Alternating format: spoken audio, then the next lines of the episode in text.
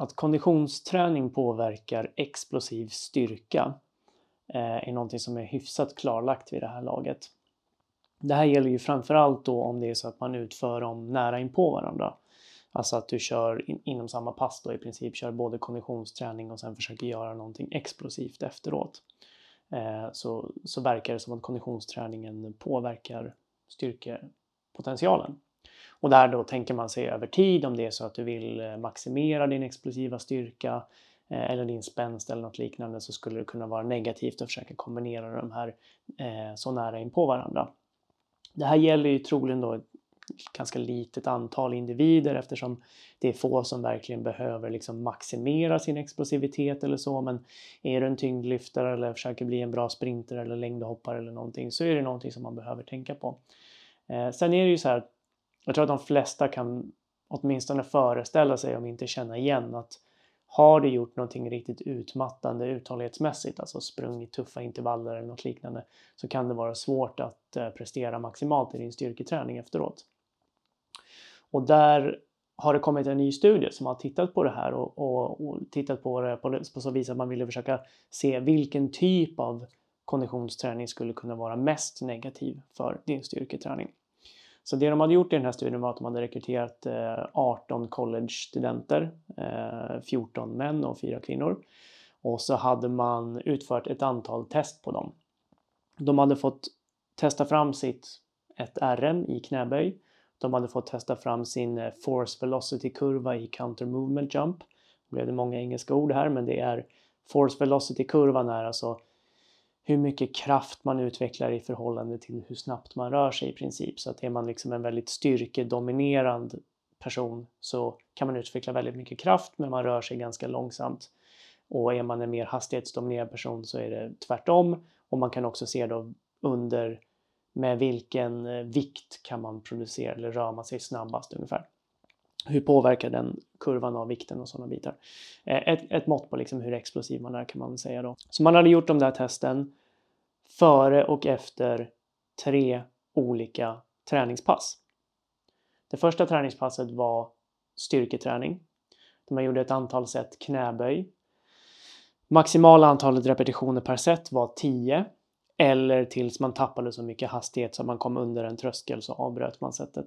Och så gjorde man då de här testen före och efter det. Det andra träningspasset var 4 gånger 4 intervaller följt av samma knäböjsträning och så test före och efter dem. Och det sista passet var sprintintervaller, maximal sprint, 6 gånger följt av samma styrketräningspass. Testning före och efter. Det man hade som hypotes här var att man skulle se störst tapp efter 4x4 intervallerna. Alltså 4 minuter på en intensitet ovanför den andra tröskeln med 3 minuters vila emellan skulle ge större påverkan på styrketräningsresultaten och på ens explosivitet jämfört med sex stycken maximala sprintintervaller där man kör så hårt man kan i 30 sekunder. Det var liksom tanken innan den här studien. Det man såg här om man bara tittar på forskarnas egen tolkning av resultatet och liksom lite av statistiken så såg man att det var precis tvärtom. Att sprintintervallerna gav en större påverkan på styrketräningsresultaten jämfört med 4x4 intervallerna. Det skulle alltså innebära att vill du få så lite påverkan på din styrketräning som möjligt så ska du göra mer långa högintensiva intervaller snarare än väldigt korta maximala intervaller.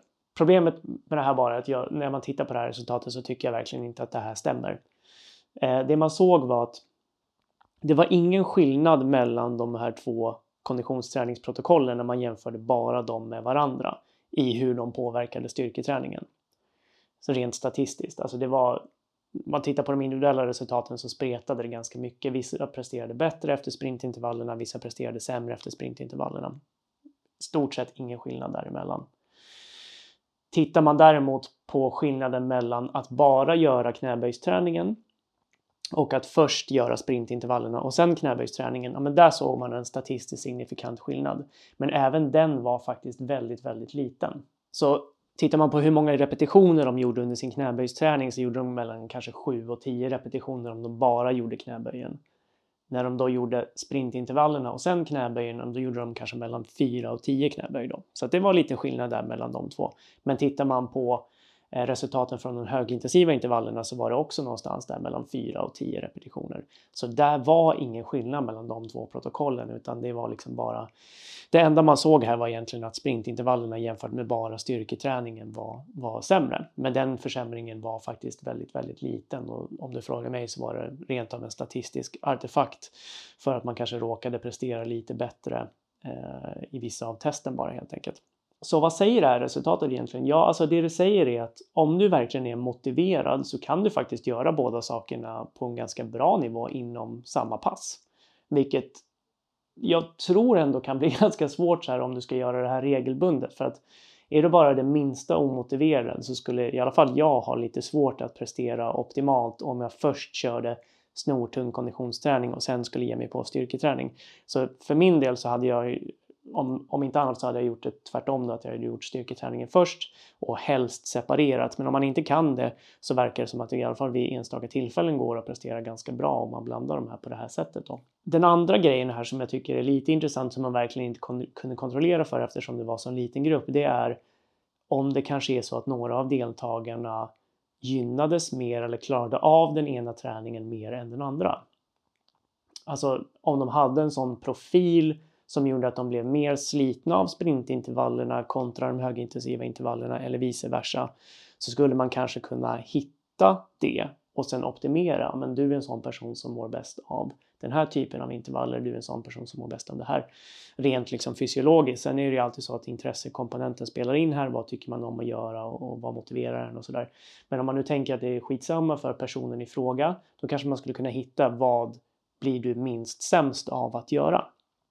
För det verkar ändå vara som att det finns olika typer av eh, personer, mycket beroende på vilken typ av eh, fysiologi man har, muskelfibersammansättning, som svarar olika på, på olika typer av träning. Så att vissa kanske blir då mindre slitna av väldigt högintensiva intervaller jämfört med lite mindre intensiva intervaller till exempel eller kortare intervaller jämfört med långa intervaller eller sådär. Och då skulle man ju då kunna skräddarsy programmet. Det kunde man inte riktigt titta på här. Dels försökte man inte göra det här men sen så var det också en väldigt liten grupp här med ganska spretiga eh, bakgrunder även om de var ungefär samma ålder och sådär så kunde de, hade de lite olika prestationsnivå i, eh, som utgångspunkt. Så även om man alltid tog hänsyn till individen, gjorde ett mätningar och, och tog fram deras tröskel och sådana här bitar så kanske det var lite spretigt vilken bakgrund man hade och då var det nog lite svårt att, eh, att eh, subgruppera dem på det sättet. Men ska man liksom sammanfatta det här så tycker jag att det är ett ganska intressant resultat. Dels därför att forskarna verkar dra ganska stor växel på det här med att man såg skillnad Eh, inte mellan de två konditionsträningsgrupperna men mellan en av konditionsträningsgrupperna och styrketräningsgruppen. Eh, det är lite intressant när det egentligen inte var någon större skillnad där. Eh, det andra intressanta är att det inte egentligen var någon större skillnad där, alltså att man inte såg något åt ena eller andra hållet vilket innebär att vad det, utifrån det vi vet nu så kan man egentligen göra det man känner för och troligen få Eh, få hyfsat lika resultat oavsett vad det är för någonting.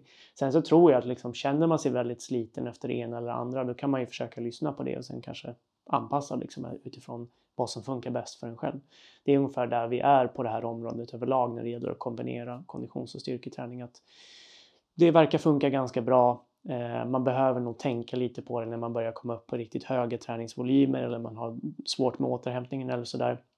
Men eh, så länge man liksom lyssnar på sin kropp och försöker ta reda på vad som funkar för en själv så, så, så här funkar det ganska bra.